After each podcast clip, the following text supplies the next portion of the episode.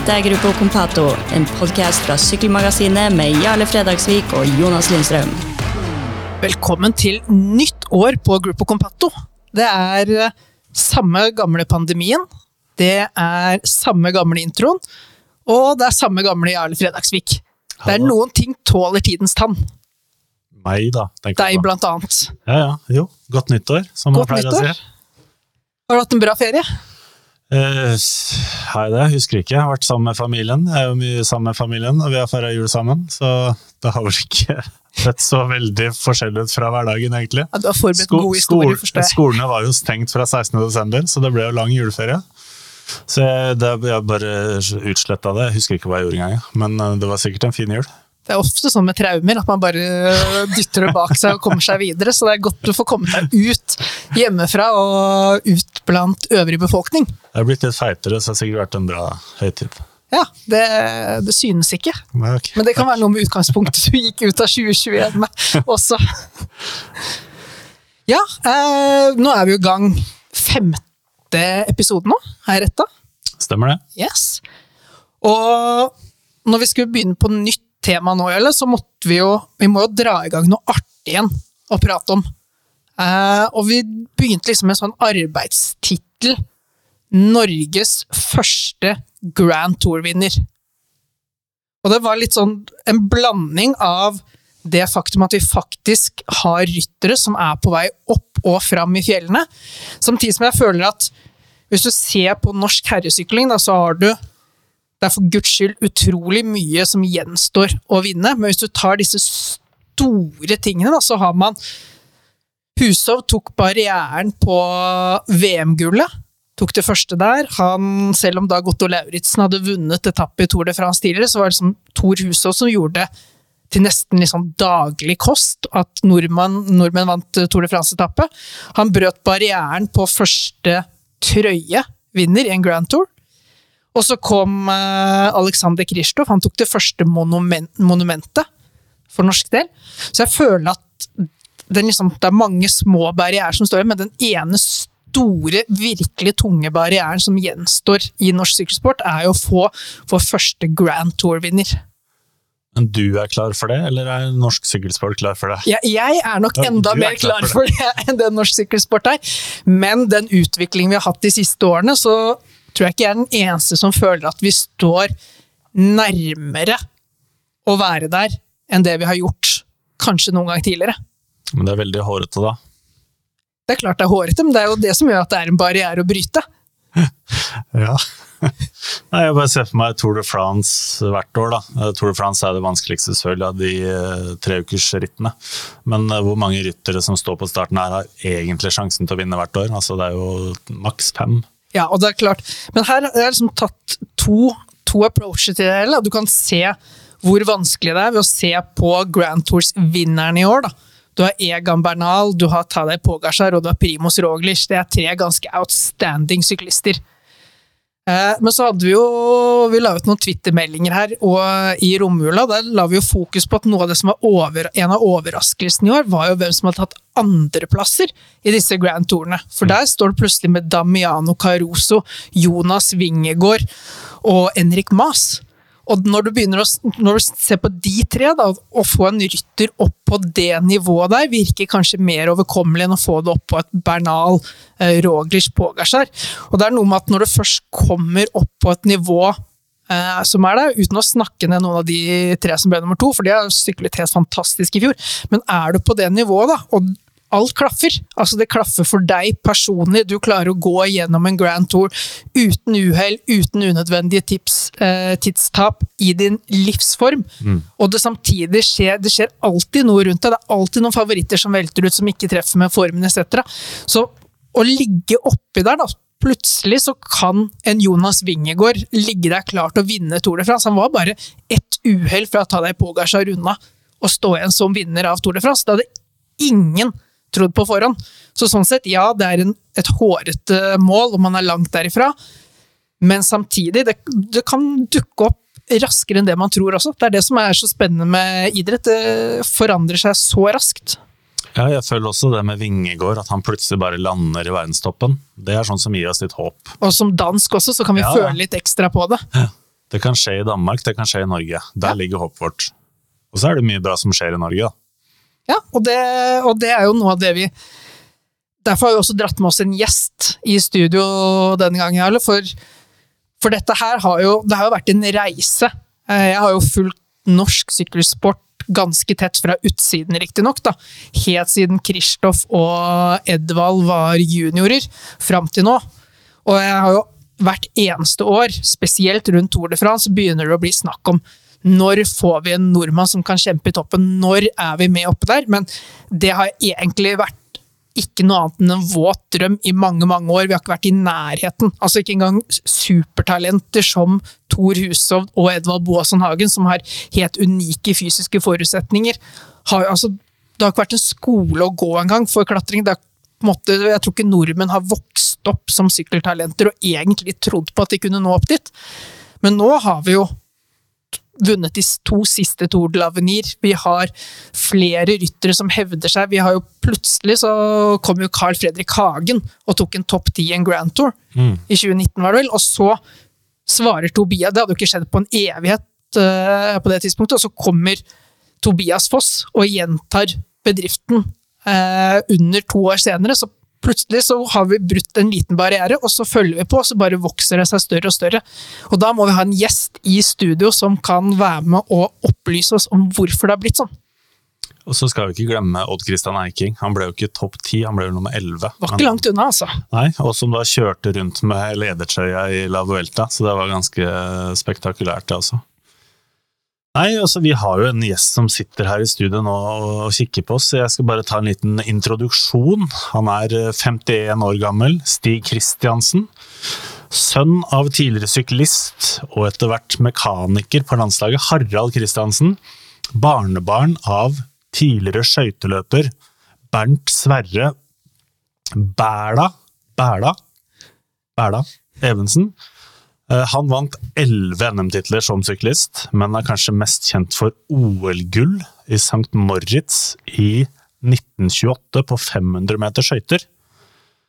Eh, Han ble også verdensmester to ganger, så det er klart at når Stig da skulle ut eh, i sin egen idrettskarriere, så hadde han en del han skulle leve opp til. Jeg syns han klarte seg ganske bra. Han har flaska opp i IK Hero, vært innom Nittedal CK og Glåmdal Nittedal Elite. Han har VM-bronse på 100 km lagtempo. Det sykler vel ikke lenger. Sammen med Roar Skåne, Jonny Sæther og Bjørn Stenersen under VM i Stuttgart i 1991.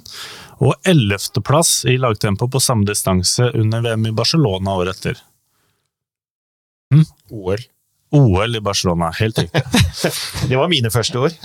Han har vært proff i Accept Card. Eh, Han har sykla for Veloklubb Melum, Ipso, Varsmaskinen, ACBB og Bic Persan. Det er vel over i Frankrike. Vært sykkeltrener for Gabriel Rask, Jeremy Hunt, Vegard Robinson Bugge, Stian Remme, Svein Erik Vold, en del andre karer. Og litt grunnen til at han er her i dag altså Jeg kjenner jo litt til Stig fra før. Han er ikke så veldig glad å snakke om seg sjæl, så da får jeg si det for han. Etter min mening en veldig viktig støttespiller i utviklingen av norske sykkelryttere. Det kan det ikke være mye tvil om. Starta som landslagssjef for Elite og U23 foran 2013-sesongen, og har da vært med på U23-bronse til Sondre Holst Enger, U23-gull til Sven Erik Bystrøm, U23-bronse til Kristoffer Skjerping, U23-gull til Kristoffer Halvorsen, VM-sølv til Alexander Kristoff i Bergen, noen gode nestenmedaljer i Richmond og Doha, nådde ikke helt opp der, og så meldte han selvfølgelig overgang til Uno X foran 2018-sesongen, og har vært med på å sitte i følgebilen da Tobias Foss først og Tobias Halland Johannessen gikk til topps i Tour de l'Avenir. Så her har vi en eh, bra gjest når vi skal stake ut kursen for en framtidig norsk Grand Tour-vinner, spør du meg. Absolutt. Har noen gang fått en lengre introduksjonsstikk? Aldri. Det mangler bare litt fyrverkeri, fyrverkeri og litt uh, champagnespruting her. Det er, det er sjelden jeg møter på noen som kan hele regla. Jeg kan ikke selv hvis jeg skulle tatt den på rams, så det, det var god research. Ja, altså jeg, ble jo, jeg ble jo hjulpet av en artikkel fra Gruppetto, må jeg innrømme. For der sto jo det aller meste ramsa opp. Det var jo bedre enn Wikipedia-artikkelen. Ja, det Jeg har ikke lest noen av dem. Jeg har vært med på intervjuet i Gruppetto, det husker jeg. Men uh... Men jeg tror ikke alle vet helt hvor du kommer fra, altså sånn idrettsmessig. Altså, de som er yngre enn oss, eksempel, de kjenner jo ikke til bæla, de. Nei, og det som var litt, eh, litt morsomt uh, i så måte, det var uh, her vi sitter. Det er et steinkast fra Dælenga. Ja. Han er vokst opp et steinkast lenger nordover fra huset her. Og jeg hadde tenkt å ta med meg et bilde når jeg så kikka på Google Maps og så hvor vi skulle hen. Ok, det er, skal jeg ta med meg et bilde? Vi har, eh, det var jo en gammel velodrom, eller sykkelbane, som eh, da min bestefar kjørte på. Aha. Ja, Der vil det ligge fotballbane i dag, eller? Ja, ja. Ja. Du ser kontur- Du ser konturene av, eh, av svingen eh, på sin nordsiden av fotballbanen, bak ishockeybanen. Vi har med oss en Oslo-historiker. Det er Ja, det er nydelig. Ja. Så, og min eh, bestefar, den historien der er da, hvis vi skal, hvis vi skal begynne med det, det er, han bodde oppe i Sleppegrells gate, og ble fortalt av naboen at han kunne løpe 50 ganger rundt kirken, som ligger rett borti her, for å se djevelen i nøkkelhullet. Og det var starten på hans treningshverdag. Men eh, når du selv begynte å sykle og drive aktiv idrett, følte du noe press? Ja, eh, når man er blitt litt eldre, så har man jo tenkt at det, det var kanskje et eh, ørlite press der, men det var ikke noe det var ikke noe mer enn det. Eller det var litt journalister som eh, oppsøkte og spurte og gjorde oppmerksom på situasjonen eh, som var si historie. Så eh, altså var jo min bestefar var jo et av mine store idoler, så jeg var godt klar over Og medaljen og Ekebergs ærespris eh, står jo hjemme, så jeg visste jo eh, historien hans. Men det var ikke det, det var ikke så uh, mye snakk om det, nei.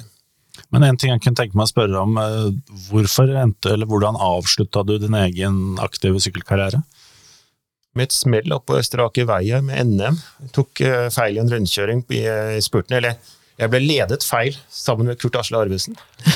Han tenkte han, han her kommer til å vinne, så jeg skulle ligge på hjul med. og ta, ta til slutt. Men vi ble vist feil vei, og ja. Punktum. Det- Dette var det. Ut med et smell. Ut med Ut med et smell oppe Østre vei. Det, NM gikk eh, ble, Det var ikke store det var ikke så store forhold på, på den tiden i, i norsk sykkelsport. Eh, Vi hadde begynt å, å se konturene av Tore Hushovd. Men, eh, og Kurt Asle Arvesen og, og, og Tore Hushovd hadde tatt hver sin VM-medalje i U23-klassen. 97 og 98. Men forholdene her hjemme de var ganske små. Så eh, NM-arrangøren hadde trukket inn årene, og det ble en, eh, et NM som gikk fra Lillehammer til Oslo. Samtidig med Lillehammer-Oslo. Nei. Turritt og NM i ett. Rune Høydahl og dro i 175 km, det var 180. Så ble det litt, litt liv når vi kom over Gjelleråsen, men eh, ikke det helt store, store NM-et det året. Herrens år 2000. Men du jobber jo, det står Uno X på, på skjorta di, du er jo sportsdirektør der. Eh, kan du starte med å Altså, det er jo det råeste norske syk sykkelsatsinga vi har sett noen gang. Kan du fortelle litt hva, hva er status der, på en måte der vi er nå, og hva kommer vi til å få se denne sesongen? Ja, status på der vi er nå, for det har jo vært en, en, en meget interessant reise så langt. Eh, De startet tilbake i 2017. Jeg husker Jens Haugland kom og fortalte at han hadde satt seg på et tog, og det gikk bare i én retning. Så det kan jeg skrive under at det, der, der hadde han rett. Eh, og det gikk fra å være 11 mann til, til nå 29, og det gikk fra å være et lite Conti-lag eh, til et ganske stort profesjonelt lag. Eh, Ganske høyt oppe på rankingen også. Eh, Og vi kikker stort sett bare fremover og oppover, og prøver å planlegge og gjøre ting eh, best mulig for å få de resultatene vi ønsker oss. Få den utvikling og resultater vi ønsker oss. Gjort på vår måte. Og der tenker jeg For å knytte det her opp mot temaet i podkasten, kan jeg bare spørre med en gang. Nå vet jeg at dette er et prosjekt som har stort fokus på utvikling, men vil vi ikke komme på et eller annet tidspunkt der UnoX, i hvert fall internt, da, eh, kommer til å si at deres naturlige mål er faktisk å fostre opp en norsk Grand Tour-vinner gjennom sitt system. Er ikke det sagt allerede? Jeg tror ikke sånn ligger- eksternt. ja, Kanskje ikke det står skrevet svart på hvitt, men, eh, men det klart, altså utvikling kan jo være så mangt. Enkelt sagt så kan du si hvis du tar eh, deler året i fire og legger på fem watt i hvert kvartal, og gjør det i fem år, så blir det ganske bra utvikling eh, over tid. Eh, Og det er det det er snakk om når det gjelder å bli god i etapperitt, og da i Grand Tour så er det jo å ha det langsiktige målet, å ha, kan du si, mindsettet på, som, som gjør at du kan jobbe langsiktig. At du tåler den der, det trøkket over tid. Og det du var inne på det i introen, altså smalt nåløye. Det, det er vanskelig å bli god i fotball. Det er ekstremt mange millioner barn som ønsker å bli god i fotball. Men jeg har sagt i ganske mange år at det, det smaleste nåløyet i idrett, det må jo være vinne Tour de France. Vi klarer å nevne fem-seks, pleier jeg å si. Vi kommer egentlig bare til tre i introen. Eh, som er, har muligheten til å vinne eh, Tour de France inneværende år. Og hvis det er tre stykker på jordkloden som kan vinne Tour de France, da er det smalt. Da er det ekstremt smalt, men eh, hvordan bare liksom, Hvis du setter deg inn i et framtidsscenario. Du, du har som sagt sittet som- sportsdirektør bak i bilen i Tour de l'Avenir, så har fått en smak på det. Hvordan, hvordan vil det være den dagen du setter deg inn i sportsdirektørbilen i starten av en Grand Tour med realistiske ambisjoner om å kjempe i sammendraget med en av dine ryttere? Hvordan tror du, hvordan tror du det hadde føltes? Krevende. Eh, det, er, det, det er krevende nok med Lavenir. Det er eh, ti dager. Eh, selvfølgelig en helt annen altså Det kan nok ikke sammenlignes umiddelbart med, med en Grand Tour, det, det er jeg klar over. Men du har jo med en, eh, en drøm, en, en jobb, eh, på, på de unge guttene som Og de har jo også sett Egan Bernal og hvem som har vunnet Quintana. Hvem som har vunnet dette her de siste årene. Så de er godt klar over eh, nivået som kreves. Eh, så den, når den tid kommer, hvis vi får lov til å si det, så eh, setter det oss inn i en Tour de France-situasjon med ambisjoner om å vinne. Så eh, jeg, hvis ambisjonene er der, så er jeg også trygg på at de, de harmonerer med at det er mulig. Da har vi nok lagt og ventet på alle mulige steiner for at det skal, eh, det skal kunne lykkes. Eh, og så veit vi da at det, nå har vi lykkes de to siste gangene i Lavenir, men det har jo vært noen ganger før vi ikke har lykkes. Vi har ikke hatt de samme personene, men vi har hatt Foss tre ganger først. Ja.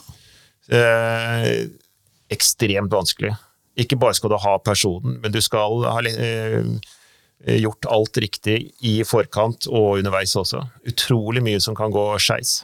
Hvordan har vi kommet dit, da? Hvor, eh, hvor vi egentlig, hvis vi deler opp eh, den reisen norsk sykkelsport har vært på i et par deler, da, hvor du først kommer Vi kan ta utgangspunkt når du kommer inn som eh, landslagssjef, og da er det en periode fram til vi faktisk virkelig er med å kjempe eh, om seierne og stille med favorittene.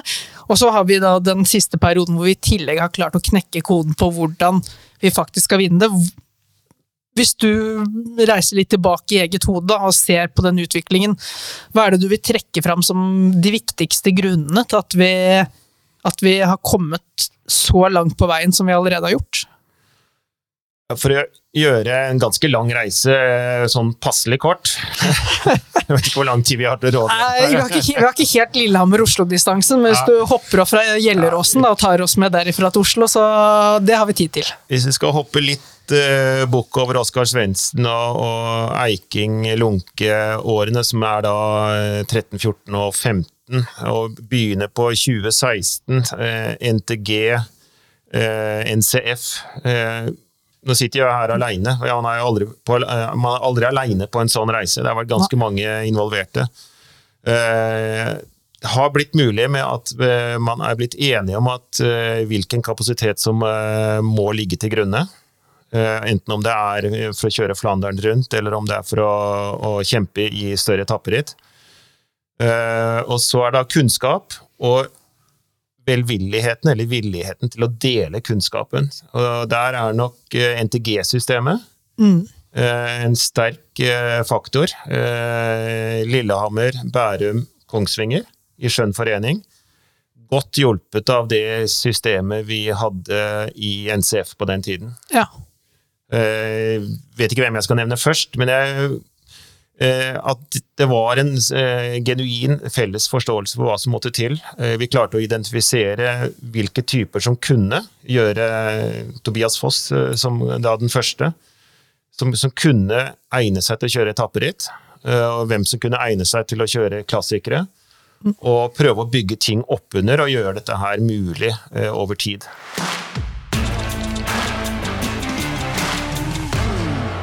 Var det en liten sånn wake-up call? Er liksom innse realismen i hvor man lå, og hvor man måtte? Var det et første steg her, når du snakker om eh, kapasitet, bygge, eh, dele? Kom man til det stedet hvor du, man måtte si at vet du hva, her, her må vi gjøre et eller annet annerledes for å komme oss videre? Ja, da må vi tilbake noen år i tid hvor vi startet. eh, Da er vi tilbake i 2012-2013. altså, hopper bukk over mye, og vi tråkker nok på noen tær og, og, og så videre. Men det, herregud, så deilig det er, da. det må vi bare stå i. ja. fordi vi har jo hatt en ganske grei suksess, som du var inne på, med Husov Kristoff og Edvald Baasson Hagen eh, i, i årene i forkant. Men det var aldri en aldri mange av gangen. Du hadde et Joker Merida-system her også, som var, det var godt lag, men det var aldri en, en, en stor eh, marsj fremover. Eh, og vi kommer til eh, forbundet. Ja, NCF har hatt eh, sitt testregime eh, de siste 10-12 årene. Gjør en O2-test, eh, laktatprofil, av eh, de rytterne de mener er, eh, kan egne seg et eller annet sted mellom 8 og 15 i, i junior, 8 og 15 i 23, og samme damer og damer i junior. Og så ser man eh, hvor, hvor ligger lista, og da kan jeg i hvert fall røpe ett tall, som jeg husker det var 73,6, og det var snitt-O2-en på U23-gjengen i 2012-2013. Blir det Grand Tour-vinner av det? Det tror jeg ikke. Nei. Eh, og det var, eh, det, det var eh, i forhold til hva Vi hadde gjort O2-test siden jeg var ung gutt eh, på idrettshøyskolen midt på 80-tallet. og Det har vært jo O2-tester nede i 70-tallet òg, så vi hadde jo en ganske god track record på hva som var bra og ikke bra. Og, og derfra så begynte man å, møtte O2 eh, eh, O2 Ordet har fått litt pepper opp igjennom. Men det er ganske sånn universal måte å se kapasitet på. Du kan s- si mye mot det. Jeg er ikke like glad i å høre O2-tallet hele tiden. Det bør ikke fortelle alt, men det forteller noe. Og det setter i hvert fall lys på én ting, og hvis det er 73, så er det i hvert fall for lavt til å vinne Tour de France. Og det, vel, det sier vel mer så lenge det er snitt av en større gruppe, enn hvis du ser på ett og ett individ. Så hvis man ser en nedadgående kurve, eller at man har et tall som på snitt av så mange utøvere som dere testet, var såpass lavt, så, så må man vel konkludere med at det er ting som kan forbedres. Ja, for her hadde du U23-verdensmesteren året etterpå i den gruppa, Ja. Sven Erik Bystrøm. Du hadde Oskar Svendsen, han dro opp snittet med sine 96. Så det var noen som var godt nede på 60-tallet, som hadde ganske store, stort bilde av seg selv eh, og, og sin, sin kjørestyrke på, og hvor de passa hen. Som, altså det var ikke en harmoni der, men eh, vi fikk eh, med litt jobb og forståelse og litt, kikke litt mellom resultatlinjene. For du kan kjøre et flatt løp hvor du sitter på hjul og spurter. Så kan du få et godt resultat, men det er ikke dermed sagt at det er en kjempe sånn, fysisk prestasjon bak. Stor forskjell hvordan man får resultatene. Ja, så, så, så går vi da fort videre til, til 2015-2016, hvor eh, Tobias Foss, la oss bruke han som et godt eksempel. Poster som 16-17-åring en, et eh, O2-tall på 86. Ja. Og da er det jo fortsatt ganske mye utvikling som gjenstår. Eh, og eh, tenk der. Eh, så både kroppsvekt, så på typen. Eh, han kan. Han kan noe som vi ikke har hatt i norsk sykkelsport tidligere. ja. Så begynner det å spille han inn som, eh, som eh, 19-åring, da, førsteårs senior. Blir med på landslaget, som er da profflandslaget, Tour of Norway. eh, 2016. Stemmer det. Der sitter vel og Når du snakket om eh, Rune Høydalen som dro fra Lillehammer til Oslo det ene, det var ikke så langt unna det Tobias Foss gjorde på en del av etappene i det rittet, om jeg husker rett. Nei, det, det var en tanke bak der. Det var at vi skulle markedsføre navnet hans, vise her, her har vi en. Eh, også vise den for de andre konkurrenter, andre som skulle hjelpe han videre. For Det det er seksmannslag, og du trenger fem mann som skal se at her har vi en type som faktisk er kjøresterk. Ja. Du skal skape tro hos de fem andre, og det er eh, både en sjuende, åttende, niende, mann også som, eh, som skal ha tro på at Tobias kan gjøre det for at du skal eh, få det til. Og det, den, den, den kortstokken fikk vi stokka sånn temmelig godt. Og så møtte vi noen skjær i sjøen. Han du, kan kanskje resultatet bedre enn meg. Normalt sett så kan jeg det er eh, mye på rams, men han ble eh, først, Andre året han kjører Han ble syk første året, eh, som ganske mye av, eh, av laget. Eh, andre året ble han eh, sju stykker, eller seks-sju stykker. Eh, felt av en punktering, på sen punktering, uten at vi var, hadde mulighet til å gi han service, eh, og får da halvannet minutt i sekken. Det, hadde blitt, det hadde vært en tredjeplass foran Niklas Eeg. Nå Nå, nå er vi Tour de l'Avenir, ikke sant? nå er vi til Avenir. Ja. Eh, blir eh, felt av eh, litt eh, dårlig eh, i eh, året etter også. Og så kommer det fjerde og siste året hvor, hvor ting klaffer. Og da klaffer det så du synger etter også. Ja, da har du både laget Da har de også fått til Kan du si første året hvor det ikke klaffer for han, så har vi uh, Halvorsen som vår, vår, vår mann Mm. 2016. Eh, Men i, mens i 2019 så hadde du kun lag som var satt der for at Tobias eh, skulle kjøre best mulig. Og da hadde du vel, om ikke jeg husker feil, så hadde du vel allerede mistet Andreas Leknesund på skade på trening eh, rett før det Tour de l'Avenir, så da hadde du egentlig mistet den nærmeste hjelperen, eventuelt nummer to, som skulle ta av for Tobias, men så stepper vel både Jonas Iversby Widerberg og ikke minst Idar Andersen noe voldsomt opp i det rittet, om jeg husker rett. Ja, du kan ta med, ta med alle som var, var det på det laget. De steppet opp eh, for, for Tobias. Og det er helt riktig, godeste Leknesund han eh, kleiva seg ned Krukkleiva og Ja. kjørte i et eh, hull og knakk eh, skulderen, vel. Eh, skulderen ut av ledd, avrevet leddbånd, et eller annet, eh, og var ute. Eh, og de to seirene du hadde i innledningen, hadde sikkert vært tre, hadde det vært Lavenir i 2020 òg. Ja, det tror jeg også. Ja. Det tror jeg også. Var ikke. Torjus Sleen veldig bra? Torjus Sleen var fantastisk. Ja. Ja. Helt riktig. Var, Da- da i han 2019. Og da framsto jo Norge plutselig litt som uh, Team Sky. Ja, på de ja det, det, var, det var en kjempegod lageinnsats. Og det var da Eh, TV-bildene begynte å komme fra Lavenir i tillegg, Ja, så da oppdaget jo faktisk verden det. Det passer bra, og det er jo sånn sykkelsport, eller idrett. Altså Hvis du legger deg først, så får du ofte lov til å ligge først. Da folk blir glad for å slippe å dra. Ja. Så ser det i hvert fall bra ut. Men altså, Tour de l'Avenir er jo ikke det samme som Tour de France, som du sa innledningsvis. Eh, Men vi er jo litt kry da når vi har vunnet egentlig de siste to årene, og det har blitt arrangert. Og vi kunne jo ha gjort det veldig bra med f.eks. Leknesund i 2020 også. Men hva betyr det at vi har vunnet de siste to av tre årene? Hva, hva skal vi trekke ut av det? Det betyr, eh, når man ser eh, de ti siste vinnerne, at her er det muligheter. Det betyr ikke at du vinner. Eh, selv om veldig mange av de ti siste har satt preg på Grand Tours de, de siste ti årene. Men det betyr at her har vi ryttere. Vi har ryttere bak dem som, som egner seg til dette her. Og det betyr også at det har vært gjort en jobb over tid som uh, bærer frukter. Uh, og Jonas sa det, altså det er knekt noen koder. Eh, man vet litt om hva er det som skal til for å komme dit. Og så er det selvfølgelig et kjempestort fjell til da, som, som gjenstår, altså når du da sier Grand Tour. Hva skal til for å, å nå til toppen der? Der er det litt ugodt. Det er ikke helt preparerte Sjusjøen-spor der, altså. Nei, men jeg tenker dere må jo ha med for jeg, jeg tenker, Det som er noe av det fantastiske med sykkelsport, da, som gjør at jeg f.eks. setter sykkel mye høyere enn langrenn, eh, til og med løping og sånt, er du har to deler. da. Det ene er å forberede deg inn. Eh, Det Stein Ørn gjerne snakker om å ha kortene i et pokerspill. Men så er det hvordan du spiller kortene òg. I sykkelritt så har jo det ekstremt mye å si, spesielt over mange etapper.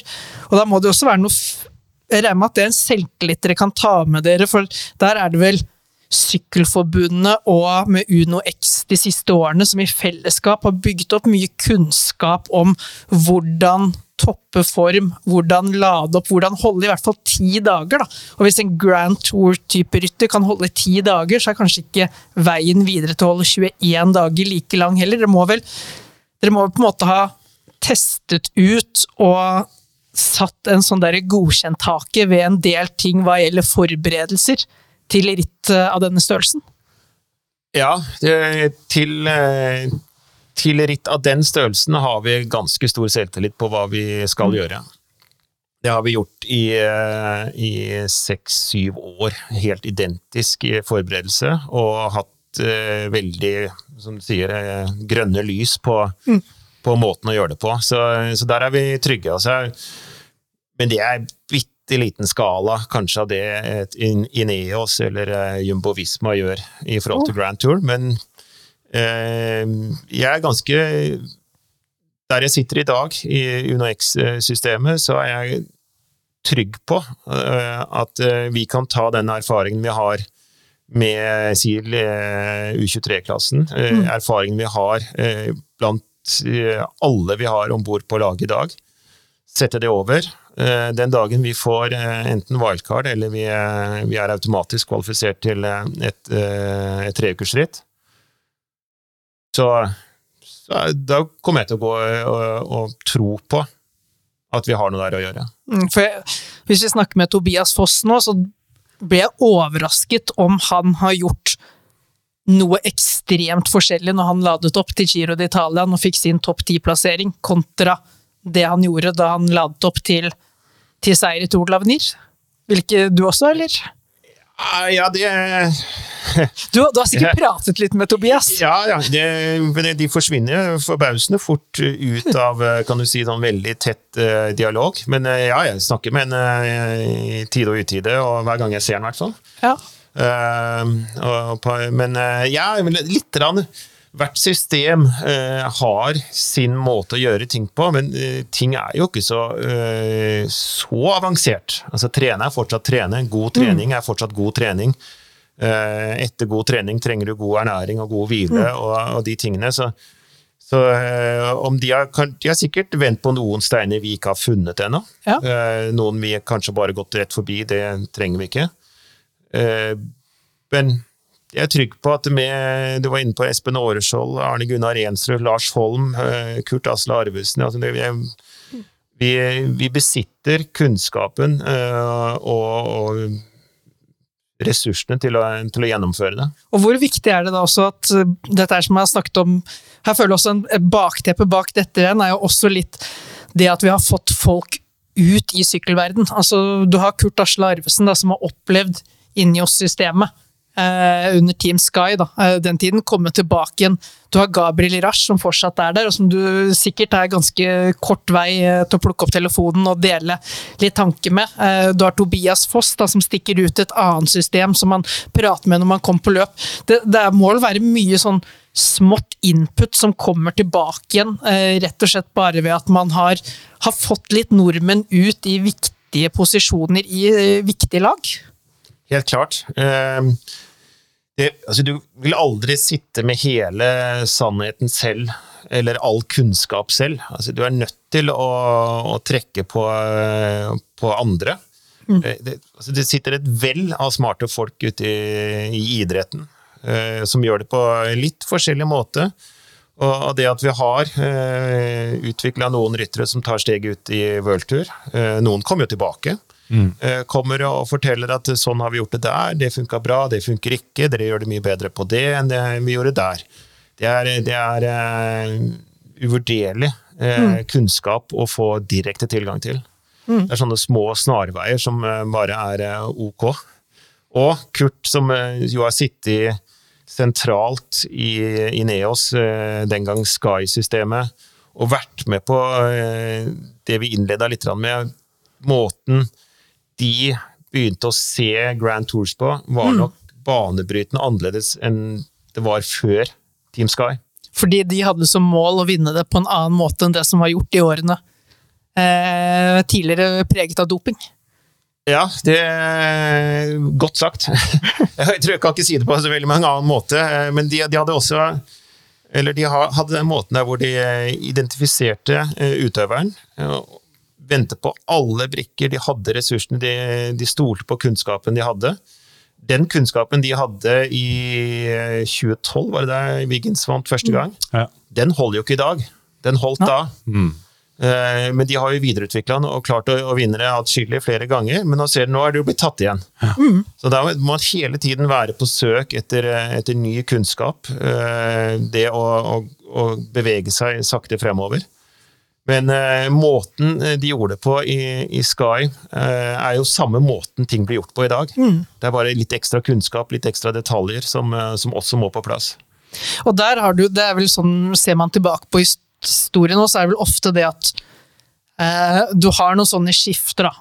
Og, og i sykkelsporten så kan man diskutere hvor rent er feltet på det og det tidspunktet, men på et eller annet tidspunkt altså så trakk man opp rullegardinen og fikk litt lys på hva som hadde vært tidligere. Eh, om de gikk fra kjempemøkkete til helt rent, eller om man i hvert fall måtte eh, bli litt renere, da, som var litt mindre effekt, så var det i hvert fall noe som skjedde som gjorde at noen kunne ta et kvantesprang da, eh, og komme foran. Det var litt andre regler som gjaldt, og så er det mange nå som da har pushet etter. Eh, og det må vel også være en en fin ting å se at eh, ok, Sky så nesten uslåelig ut der noen år, men nå har man UAE, man har Jumbo Visma som har tettet eh, det gapet, og det viser jo det viser jo at det går an, og du, du må ikke nødvendigvis sitte på den aller største, største pengesekken heller. Den lærdommen der kan komme også for lag. Nå sier jeg ikke at UAE og Jumbo Visma ikke har mye penger, for det har de, men eh, det er ikke i samme nivå der som det var på Sky på sitt råeste kontra konkurrentene, så det må jo vise et håp også for et lag som UnoX, at det er faktisk kanskje vel så mye det å gjøre jobben over tid, eh, mer enn å ta de raske snarveiene. Trening er fortsatt gratis, eh, har jeg fått med meg også opp gjennom eh, årene. Ja, det er helt klart. Altså det ressurser, penger, eh, menneskeressurser, eh, det er viktig. Kommer, det er profesjonell idrett. Du kommer, ikke, du kommer ikke til start uten, eh, rett og slett. Men eh, du må ikke ha mest. Mest er ikke alltid best, eh, på- for det er lett å, å bli litt eh, tilbakelent. Eh, Men sette noen, noen tall på det for å som, som jeg liksom har, liksom har merka meg. eh, vi sa det før introen. Eh, Aosta med Odd Christian Eiking, eh, Oskar Svendsen, Sindre Lunke. Eh, fjellene gikk 4,8 til 5,2 watt per kilo. Eh, vi var veldig med på det som skjedde. Eh, ble topp tre i sammendraget og topp tre nesten hver eneste etappe og var ganske høye på oss selv, skal jeg ærlig innrømme. Vi var ganske selvsikre når vi kom eh, til Avenir eh, rett etterpå. Men det var nivå som, lø- som lå på U23-klassen. da. 4,8 til 5,2. Så kunne du avgjøre å kjøre 5,4 watt per kilo, og da, da var du King Kong. Ja. Så kom vi i et år hvor Miguel Angel Lopez plutselig dukka opp. Ja. Ja. Han eh, kom inn på radaren her fra en stikkvei og kjørte opp Col de Solasau. Ble kjørt i eh, Dauphiné Libré, eller Kriterium de Dauphiné. Der avslørte jeg alderen min. Eh, Fuglesang vant vel i året 2018. Eh, Miguel Angel Lopez kjørte opp der på 5, knappe 5,7 watt per kilo. Det var helt uhørt. Eh, Eiking, vår beste, tapte et par minutter, hadde kjørt på 5,4, og det var jo det han var god for. Det, var, det Eh. skulle holde til å være kongen på haugen. Ja, det skulle i hvert fall være blant, eh, blant eh, småkongene der. Det var 5,7. Eh, Det var da satt en ny standard. Da er vi da tilbake i 2014-2015. 5,7 holder ikke i dag. Nei. Det, det året Tobias vant, så var det gjentagende i alle fjell. Bernal var jo oppe på snusa på 6 watt per kilo. Eh, Og alle tidene er jo blitt tilgjengelige. Du bruker Strava, du bruker alle mulige verktøy og, og ser på klatretider. Når eh, Tobias og Anders med god hjelp av eh, Staune Mitte og Jonas Widerberg kjørte opp eh, Col de Glandot og eh, Croix Fair fra den siden i, i år, i fjor, så satte de vel den tre, nest beste eller tredje beste tiden opp det fjellet. Ja.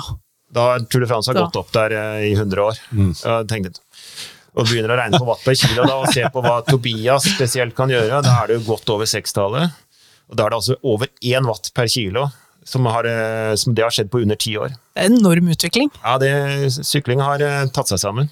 Hvordan, hvordan opplevde du den siste triumfen med Tobias i forhold til uh, Tobias Halland Johansen? Da? I forhold til triumfen med Tobias Foss? Altså, to litt forskjellige måter å, å, vinne på. Den siste ble jo ekstremt dramatisk. Ja, den siste dagen var ikke sånn superbehagelig. Men uh, Tobias sin var mer kalkulerende. Tobias var den rytteren hvor de identifiserte etappene han kunne vinne noe på. Eh, stedene hvor vi kunne gjøre en forskjell, hvor vi mm. kunne bruke hans styrke mot eh, svakhetene til konkurrenten. Og prøvde å sette ballen i mål hver gang vi, vi klarte. Mm. Og det klarte Tobias tror jeg, liksom ti av ti ganger. Mm. Han hadde lite feilskjær på, på en etappe, mens, men det gikk jo hele veien inn. Tobias det er jo en litt annen type rytter. Tobias 2? Eh, Tobias 2, ja. Tobias Halland HJ. Eh, jeg holdt på å si litt mer i fyr i fyr fra Drøbak. Eh, har jo en spurt som jeg, de færreste kan stå imot. Mm. Eh, og har kan du si, en helt annen kapasitet på Han kan, stå, han kan kjøre mer ujevnt. Han kan ta et par rykk og, og, fortsatt kjøre oppover. Det var ikke Tobias Foss sin sterkeste side. Nei. Det var mer den jevne mm. malinga på, på, høyt nivå.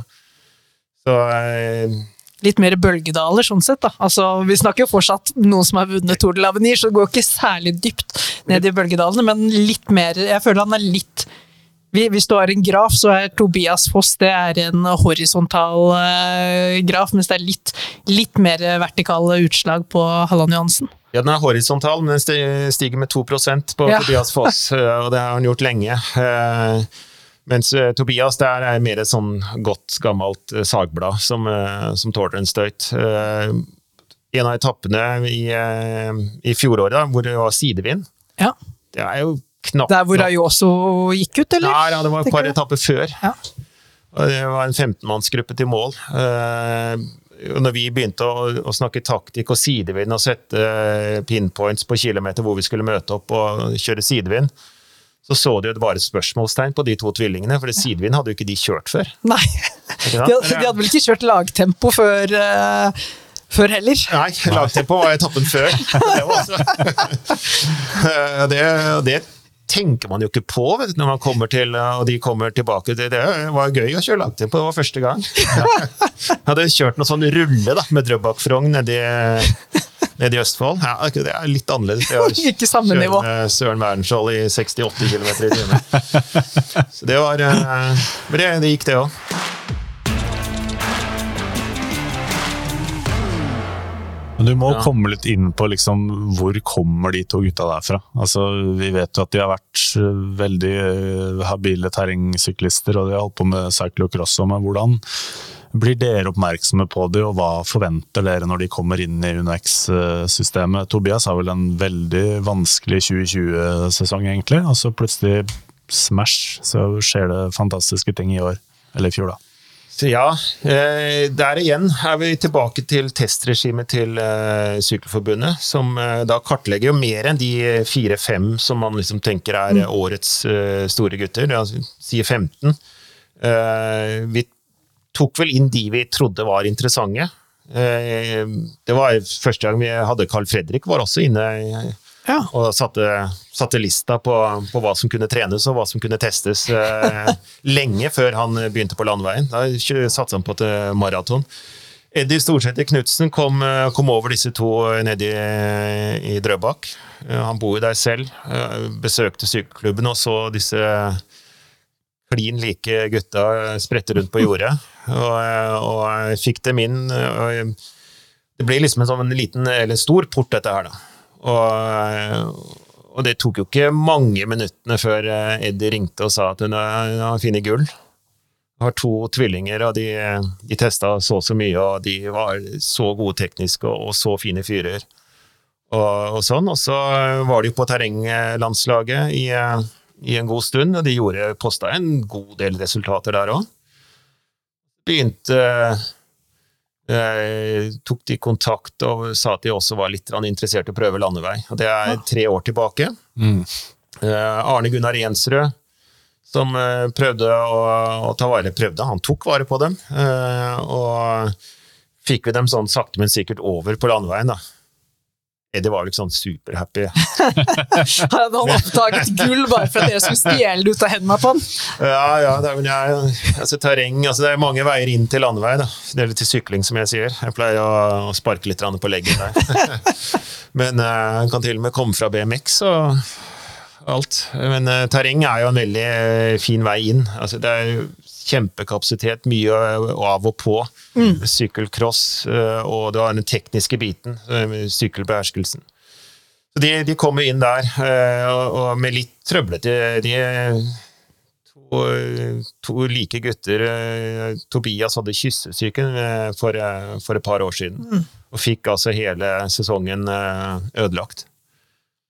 Eh, Men vi fikk dem inn, fikk dem inn på Devo-laget og sk- få prøve dem litt og se hva de er gode for. Vi visste jo da tallene, eh, og vi gjorde noen sånne kom-forsøk på Mallorca i fjor, og, kikket litt på watt per kilo og sånn. Det, det var jo skapelige tall de, de, kom, de la på bordet, så vi visste godt hva som var i gjære hvis ting gikk riktig. Ja, men det, det klarte du å holde ganske under radaren, for det var egentlig hvis det var én rytter det begynte liksom å gå litt rykter om fra dette Devo-laget, så var det jo danske Anton Skjermig før sesongen. Det var der liksom Det var, jeg tror Anders Halland Johannessen ble man litt overrasket over i Tyrkia rundt, og så husker jeg satt der, og jeg har heller ikke fulgt så mye med på terrengsykling, liksom, men så satt jeg og spurte meg selv Pokker, var det ikke Tobias som var hakket bedre enn Anders? da? Nå presterer Anders så bra, kanskje jeg har tatt gærent. da, Så kom vi vel til Italia, så fikk han kjørt et par etapper der, og viste at Tobias Halland Johansen var ganske bra, han òg. Men Ja. Sjarmig var, var navnet som, som seg litt ut av miljøet. Ja da, det, han eh, Han ble Charmig ble to i EM etter eh, Jonas Iversby mm. året før. Eh, har jo blitt eh, eh, rost opp i skyene av eh, Bjarne Riis for en del som den neste, Ja. ne, ne, next, neste store eh, Grand Tour fra Danmark. Eh, så han har kjent litt på dette her eh, stempelet, litt eh, Anton Charmig, og, og på den negative siden, faktisk. Og selvfølgelig eh, var i kalasform eh, i januar, så det var han som, som viste, viste mest, kanskje, der, men eh, når du sitter bak og ser en, en syvtimersøkt eller eh, ser en, en hardøkt, så, så ser du jo også litt mer enn det som er tider på Strava. Da. Og eh, når, du, når vi gjør et så Vi bodde tre uker på toppen av Kura. Mm. Eh, Kafeen der var ikke åpen, så det var liksom ikke så mye å ta seg til. Eh, Det var Swift på kveldstid, liksom. Ja.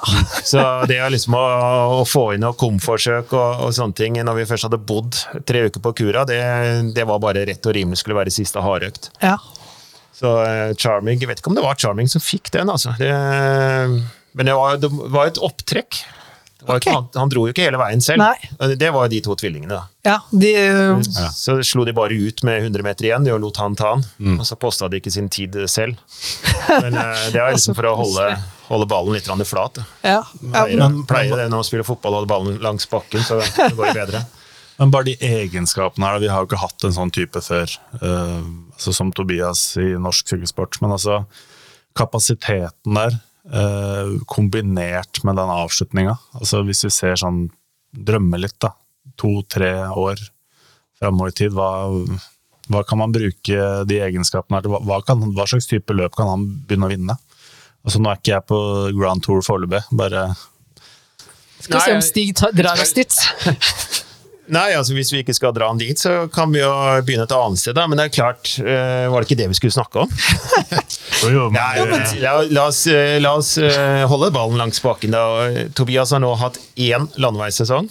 Ja. eh, Er ferdig eh, med U23, så han har ikke noe mer eh, lekeplass.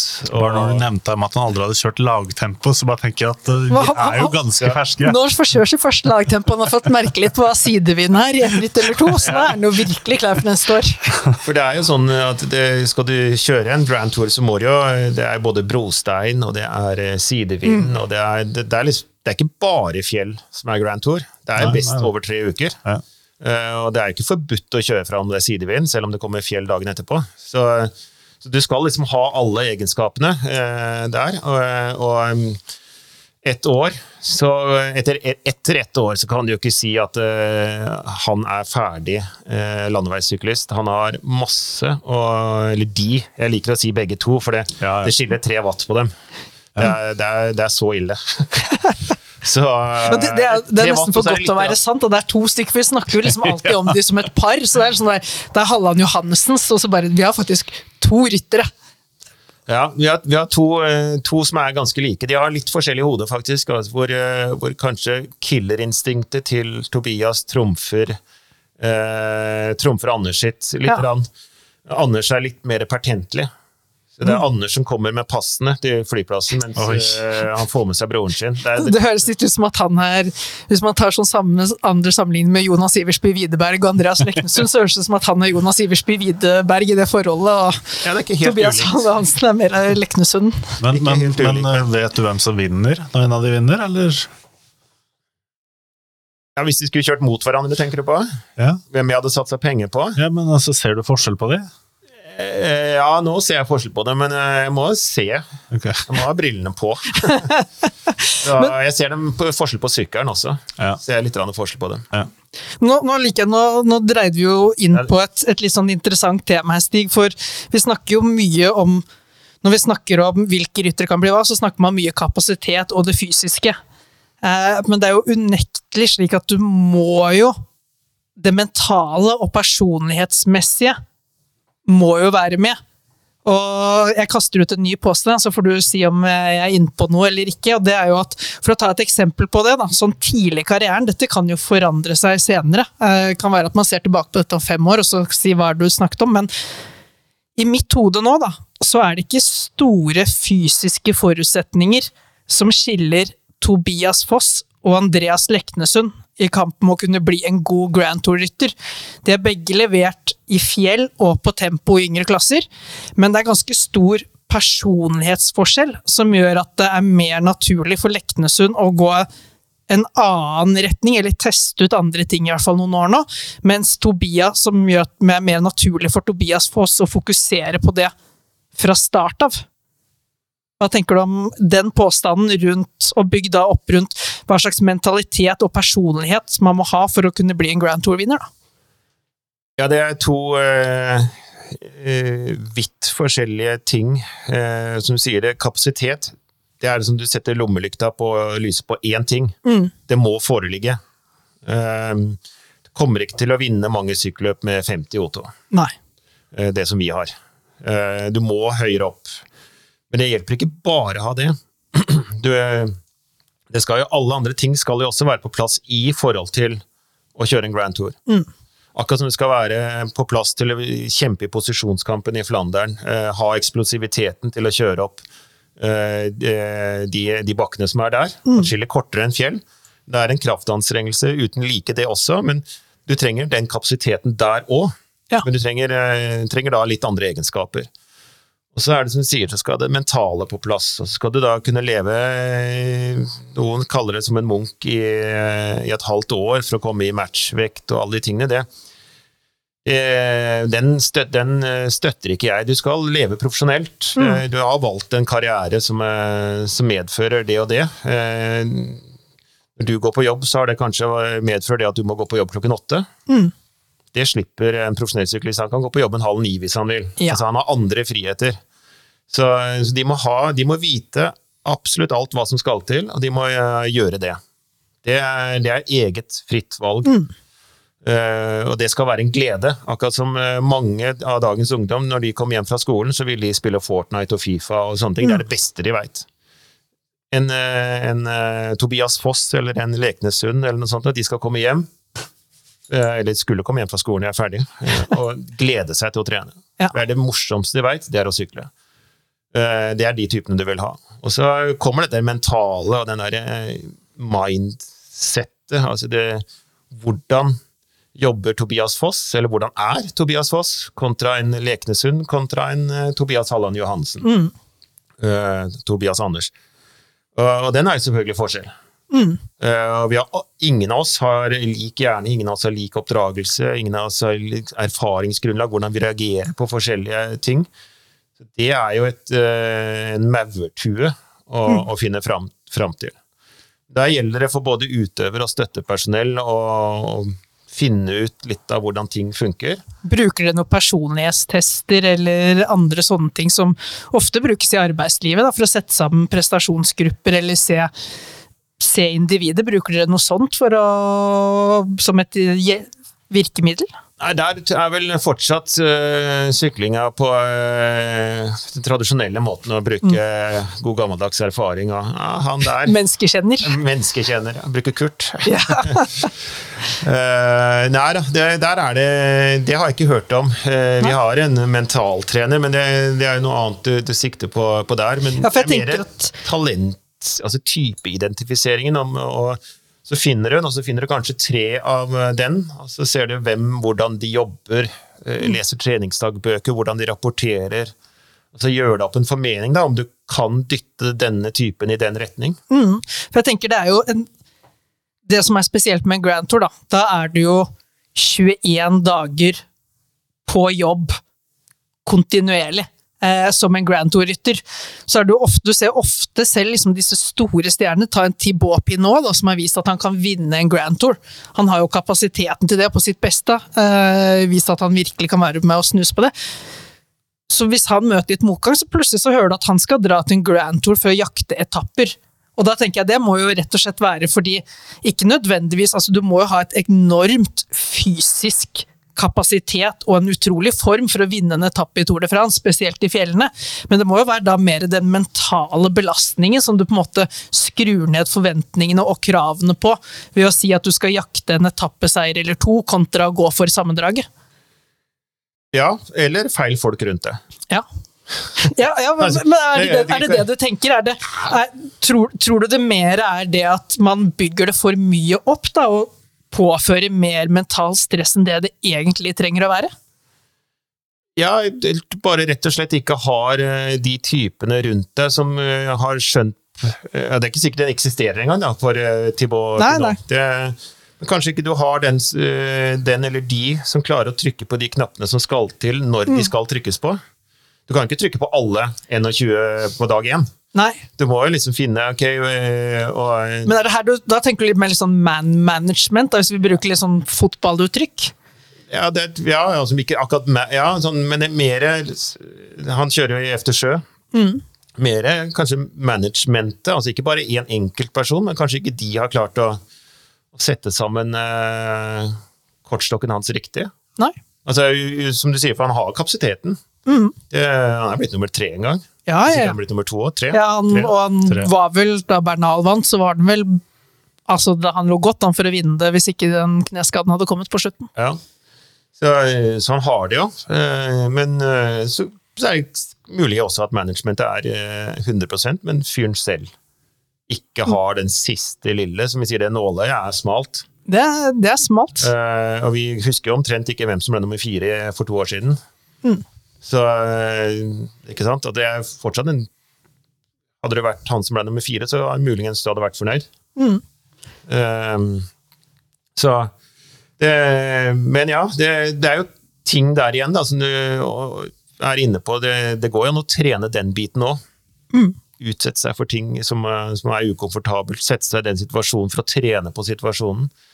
Eh, Og sånn sett så må det vel også være noe annet å komme med bakgrunn, sånn som Norge har gjort de siste årene, og faktisk gå all in for sammendraget. Og det gjelder jo både Tobias Foss, Tobias Halland Johansen som har vunnet, men også for en type som Anders Halland Johansen, Johannes Staune Mitte, Jonas Iversby Widberg. De har jo levd med på en måte det samme presset, mentale stress, at vi går inn her for å vinne, kontra sånn som Norge kanskje dro til Avenir tidligere, hvor vi sa vi jakter etapper, spesielt i starten på de flatere. Det, de må, jeg tenker igjen, man kommer med en slags annen mental ballast, da, litt mer vant til det, blir ikke så nytt når man kommer inn i en Grand Tour. Nei, de dagens eh, norske ryttere, som eh, sier Johannes Staune Mitte, han kommer jo med en helt annen ballast. Han har jo sett, eh, sett sine medsammensvorne, altså andre nordmenn, eh, kjøre godt i etapperitt. Han var med i år, har fått en liten smak på hvordan, eh, hvordan det var. og eh, har jo valgt bort ski. Er, Ja. Det er vel første gang jeg hører at en nordmann som er i norgestoppen, som jo det, det er det samme som blir verdensmester, Ja, nå har vi han og Strand Hagenes. Det kan være et snur. som velger bort, eh, bort ski. Da, da har de jo kommet opp i en status der hvor, eh, hvor du tenker at eh, de har skjønt det. Endelig noen. Og, og det, det er typer. Altså, det, Staune Mitte er type. For uh, han er en uh, Han heter ikke Tobias, men eh, kan, eh, kan Sørger han for at vi tar tre på rad i Lavenir? Tror kanskje kommer et år eller to for tidlig for Ja. Johannes, for han er også, har ikke den der eh, Ok, nå sier jeg jo feil, for han har ikke erfaringsgrunnlaget til, til eh, å stå i det eh, foreløpig. Det hadde jo ikke Tobias Halland Johansen heller, så det, så det går jo an. Det, det, det er Men- mulig. Det er en del eh, i generasjonene som går ut av U23 nå, som han ikke kan lene seg på. Ja. Som, eh, det vil kanskje bli et lite vakuum på, på det området for, Det- det er for ikke- Johannes. Det er jo ikke til å legge skjul på at denne generasjonen med Jonas Iversby Widerberg, Andreas Leknesund som de, de kjørte jo mye sammen i junior, og de har jo vært mye av fundamentet for U23-laget. Så det er jo som du sier, der har du en gruppe med eh, veldig gode syklister og eh, ganske komplementære ferdigheter. Som sånn sett faller ut, så du må sikkert det, det er ikke bare det at du må finne en ny Tobias Halland Johansen, du må sikkert finne en ny Anders Halland Johannessen, en ny Jonas Iversby Widerberg, en ny Nå har du Søren Wernskjold, han var vel med et år til, da, men det er en ny sammensetning da, som er på plass. Det, det er det. Og det er eh, Du har, eh, som, som du også var inne på, Uno X kjørt U23 eh, videre for forbundet i fire år. Eh, det var siste året i, eh, i, i fjor, så det skal jo et nytt system på plass også. Ja. Eh, det ser vi Skal du ikke sitte på- i bilen? Eh, Jeg tror ikke jeg får lov til det. Jeg tror det er andre oppgaver som, som er, er på, på planen. Jeg har gjort det 16 ganger, da. Eh, så dette kan jo være greit å slippe andre til. Jo. Det har vært andre i mellomtiden. Jeg har gjort det som aktiv noen ganger, og så en god del ganger som, eh, som sportsdirektør. Eh, Men eh, det skal et nytt system, og det skal nye ryttere som skal ta de rollene til sier Typisk Jonas, da, som har vært en utrolig eh, Jonas Iversby, som har vært utrolig stødig støttespiller.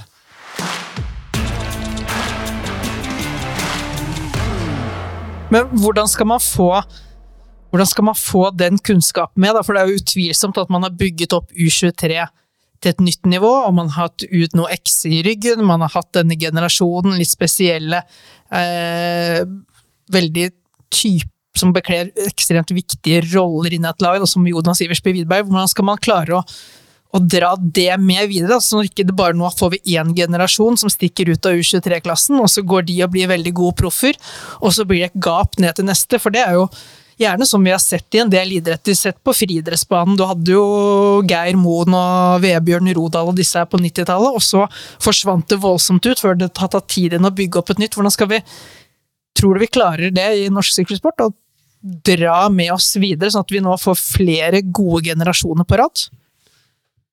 Ja, det tror jeg vi klarer, for det har vi jo klart i, i en årrekke nå. Eh, Men vi må Vi er et lite land, eh, fem millioner, eh, hvis ikke covid tar, tar rotta på oss. Eh, Så, så må vi akseptere litt variasjoner. Eh, En av de variablene som kommer nå, det er jo som jeg, Det var det Jeg bare mista tråden på det jeg skulle si. Eh, Uno X, Pro Cycling Team, de hadde for et par år siden nesten 15 U23-ryttere. Ja. Nå har vi fire. Det, er jo en, det er jo en bølge i seg selv. Eh, Det er jo en positiv bølge, fordi vi, vi stiger da oppover i gradene og, og tar med oss disse rytterne videre. Så blir det da selvfølgelig etter en sånn bølge, så, så må det jo komme andre koster og, å ta over. Det kan, som jeg var inne på, bli, bli et vakuum, men det er, eksisterer mer enn nok kunnskap, som vi også har vært inne på i, i norsk sykkelsport. Eh, Forbundet som jo skal drive drifte Nations Cup, eh, det er jo en, en, eh, et landslagsarena. Så, så det er jo forbundet, og de har stabla seg på beina nå etter, eh, etter En liten bergenssmell? en liten En liten ettersmell? Så, så har de, de har, eh, Eddie har vi vært inne på, han er dog på terreng. Du har Kai Leksberg, som har vært eh, en årrekke på junior. Han har vært, hatt alle disse rytterne. Kjenner Ja. dem jo fra, fra de 16-17-årsalderen, som jo er en eh, svært viktig alder for å ident identifisere typer. Og, eh, og så har du andre, Stian Remme, nå kaster jeg bare ut navnet, men det mm. fins kunnskap og personer i norsk sykkelsport som kan eh, tre inn.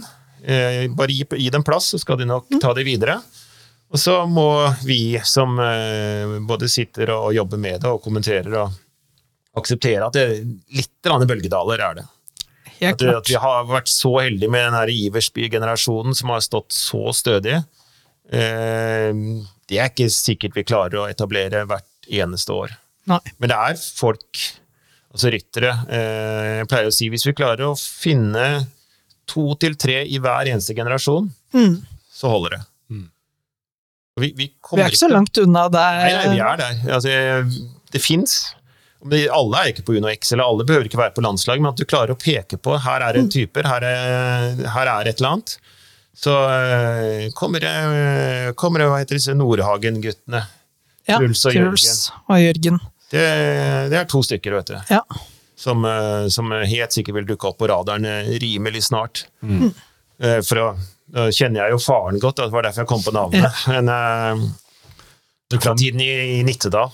det, kom, det kommer jo litt an på hva slags type ryttere vi ser etter også, og selvfølgelig også hva slags terreng de skal prestere i. Altså, når vi så på juniorlandslaget i år, så er det ikke noen grunn til å grave seg ned, men det er litt andre typer igjen enn det vi snakker om nå. Da. Altså potensielle Tour de France-vinner eller Ja, og, det, og det, vi skal jo ikke minimere sykkelsporten til å være bare snakk om Grand Tours, for gjør vi det, så mister vi litt av sjarmen eh, med sykkelsporten. Eh, det er mer det der at dette her er jo igjen da, dette er her vi ikke helt har slått gjennom for fullt eh, og tatt verden med storm.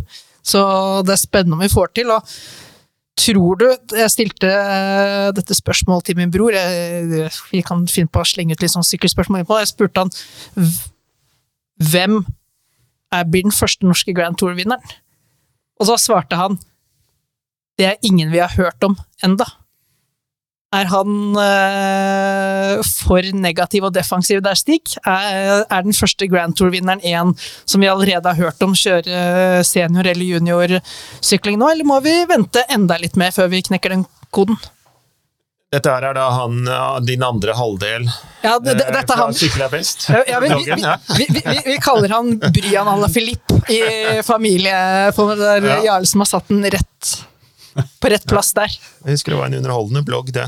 Uh, ja. Uh, nei, jeg tror uh, Jeg tror vi har nevnt navnet allerede, ja. Ja. Vil du, vil du trekke fram noen spesielt som du har Tobias den første eller Tobias den andre? Eller Johannes? Ja, Eller Jørgen. Eller Jørgen og Ragen? Ja, da har vi lagt noen uh, ordentlige har vi sementsekker på Nei da. Uh, jeg tror uh, de gutta En av de gutta vi har nevnt der, de har, har det i seg. Ja. Eh, her jeg står nå, så, eh, så er det lett å, å si eh, Tobias den andre, altså Tobias Halland Allan Johansen. Johansen. Er, der er man jo selvfølgelig litt farga av hva man jobber i, og hvem man ser mest, og sånne ting, men per nå så er det det råeste jeg har sett i norsk sykkelsport. Eh, totalpakka. Ja. Og da, og da har man jo han låst inn på en treårskontrakt på UnoX. Det betyr at du har det, det råeste teammessige vi har hatt i Norge, og den råeste personen. Da er målet at de, de to skal klare liksom å dra, dra hverandre opp da, til det stedet hvor vi faktisk da kan ende opp med å ha en nordmann på et norsk lag som kjemper om en Grand Tour-seier. Ja, nå, nå drar du dette her inn uh, slik Jeg man tenker i et management. Ikke sant? Ja. Det er en grunn til at vi signerer han uh, på mer enn et, et år eller to toårskontrakt. Uh, og det er jo fordi at man ønsker å ha forutsigbarheten. Ja. Man ønsker å ha muligheten da i den perioden til å bygge noe oppunder mm. for å nå et mål som henger høyt oppe i systemet vårt. Det betyr jo også at dere kan jo ikke, dere kan jo ikke gå tre år uten å konkurrere i Grand Tours. Det ville jo ødelagt litt for utviklingen Tobias, til Tobias Hallen Johansen. Så det ligger jo sånn sett press på, er med og pusher, som jeg sier, da, eh, hverandre videre opp. Ja da, men eh, det er jo ingen som har sagt at vi ikke vil kjøre en Grand Tour. Nei. Eh, snarere tvert imot. Eh, men det er ikke så lett å få tilgangen. Det er Men- slett ikke lett. Men med de typene som vi, som vi kaller det, har fått på en treårskontrakt Vi har flere på treårskontrakter, og det er de typene som vi har eh, satt en rød ring rundt. Der, klassikergjengen, spurtere, det er den veien vi går. Eh, vi bygger oppunder. Eh, det kan komme kanskje folk på toppen også, eh, for å dra det, dra det på, på den måten, men det er typer man har eh, satt en ring rundt, og ønsker å gå for klassikere. Og man eh, ser da Tobias og det han kan prestere, så er det etapperitt. Ja. Det er jo flere med holdt på å si, Gregor, Eg, Torstein Træn. Eh, altså, er Anders Allan Johannessen. Anders, ja. Så, så det er jo flere man liksom ser hvordan skal vi bygge det opp. Skjermik, kanskje. Vi har alltid glemt noen navn når det begynner. ja, ja, men det, det, det, bare sier, det- sier jo sitt, da, når dere har nok navn til at du kan begynne å glemme noen. Da, da har dere en del, en del å spille på. Det er vel også det som er med som øker sannsynligheten for at vi som norsk sykkelsport kan klare det. For har du én eller to, så er du veldig avhengig av at alt går på skinner der. Da. Hadde vi hatt Tobias Foss da, og Carl Fredrik Hagen slash Odd Christian Eiking, så hadde du vært veldig avhengig av at ting gikk veldig i veien for de her. Når du har litt flere, så øker sannsynligheten for at én av de i hvert fall når veldig, veldig langt. Ja, I hvert fall hvis du nevner Odd Christian Eiking, for der er det jo ingen som går på de vanlige skinnene. Han, kjører sin helt eget jernbanespor. altså. Pass på å være i utlandet. ja, ja, det var et kompliment, egentlig. Jeg ser bare fram til den dagen Uno X faktisk sitter med en World Tour-lisens. Når du har på en måte garantien. Du kommer inn i alle rittene du har lyst til å kjøre. Du trenger ikke å kjøre alle mulige dritteritt, eller må liksom alltid vise deg når du får sjansen. Du kan legge opp sesongplan på en helt annen måte. Du kan være mer i høyden. Eh, Sånn som Fosseren legger opp sesongen sin. Da. Det er jo vanskelig å gjøre det samme i UnoX, for du vet ikke hvilke ritt du skal kjøre og ikke. Eh, Akkurat nå, så Dere vet jo noe, men ikke på langt nær så mye som dere har hatt lyst til å vite. Og en, en vakker dag, da, eh, så kan jo altså Nå til sommeren så skal jo, mm, så skal jo eh, Vingegård skal nå til Tour de France sammen med Roglic. De skal liksom ha delt captainship og få se hvordan det går. Men om kanskje to år da, så kan jo Vingegård være lei av det her. Uno X er på Ja. high World Tour-status. Han kan velge å gå til Uno X, for der får han kjøre som ren kaptein.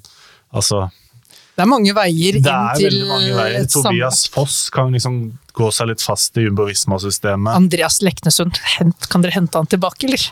Kan du ikke bare få den tilbake igjen i løpet av Kan du be Jens om å sette det som prio igjen? Det er, eh, altså nå er, det er jo opplest og vedtatt at vi skal søke World Tour-lisens. Det, det er jo blitt, eh, det er blitt sagt, og ingenting som blir sagt av eh, godeste sykkelsjefen, det, det blir gjort. Ja. Og det blir gjort fortest mulig. uh, han sa en gang her at han skulle aldri bli kjent for Jeg snakker om Jens Haugland. Ble, skulle aldri være kjent av eh, for å ta, bruke lang tid på beslutninger. Eh, jeg har ikke arrestert han ennå. Eh, her er det vel mer snakk om man faktisk får det til, om man kvalifiserer på sportslige premisser når det skal deles ut. Hvor mange konkurrenter man møter opp, det er fortsatt veldig ukjent hvordan det ser ut mot slutten av den sesongen vi er inne i nå. Man vet jo ikke helt hva man konkurrerer mot, det er det som er spenstig i sykkelsporten. I fotball så vet du jo hvis jeg unngår de og de plasseringene, så rykker jeg i hvert fall ikke ned. Kommer jeg der og der, så rykker jeg opp, så kan man havne på playoff.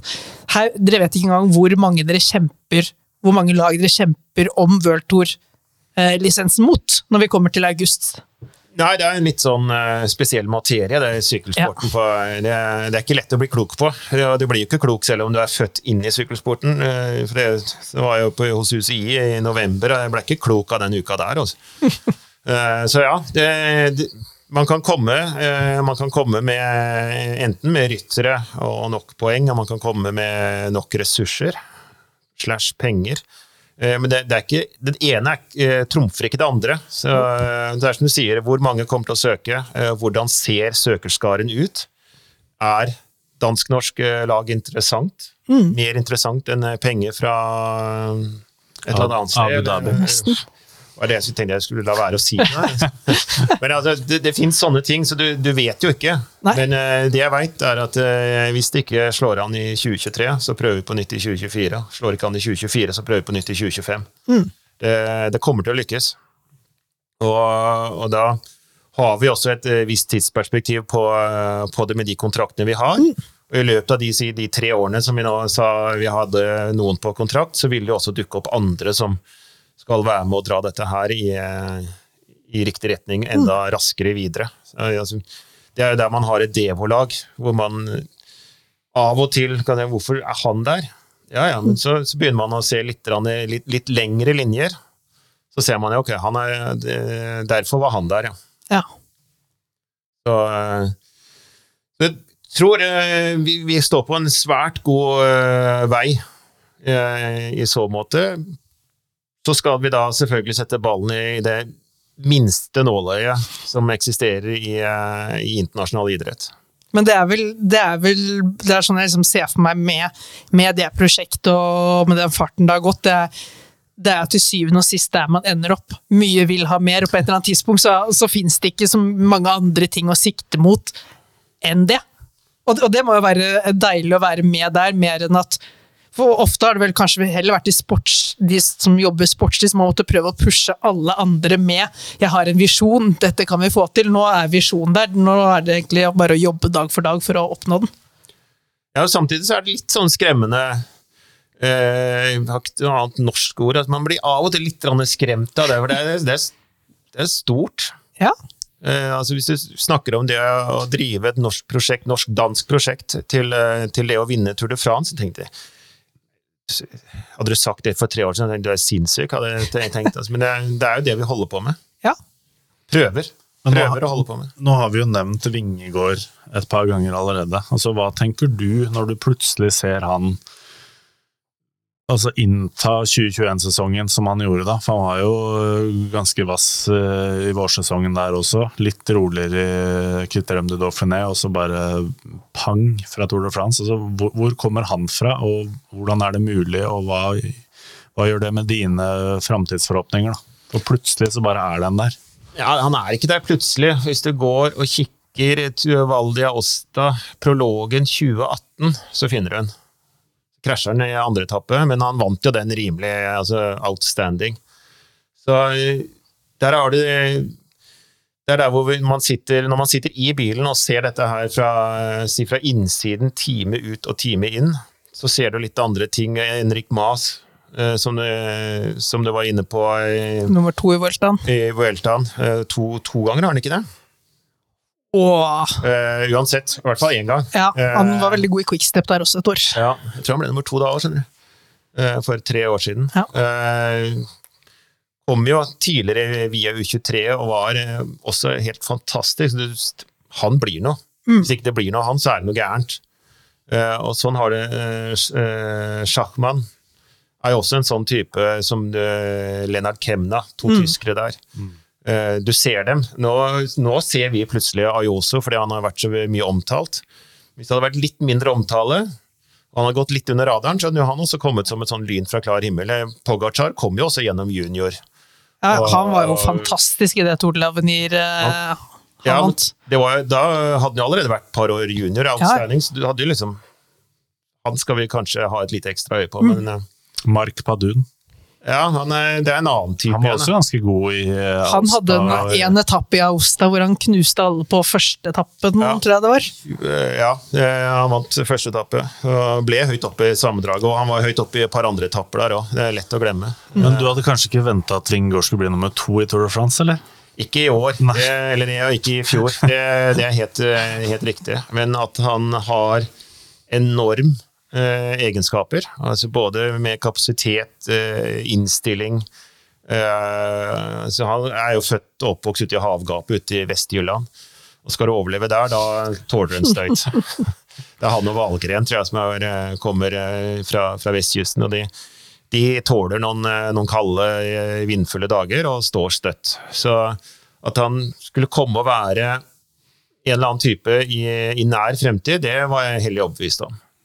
Men uh, sette Pogacar opp Mont Ventoux, det, det var uh, imponerende. Men gledelig. Ja, det vil jeg si var ganske mektig.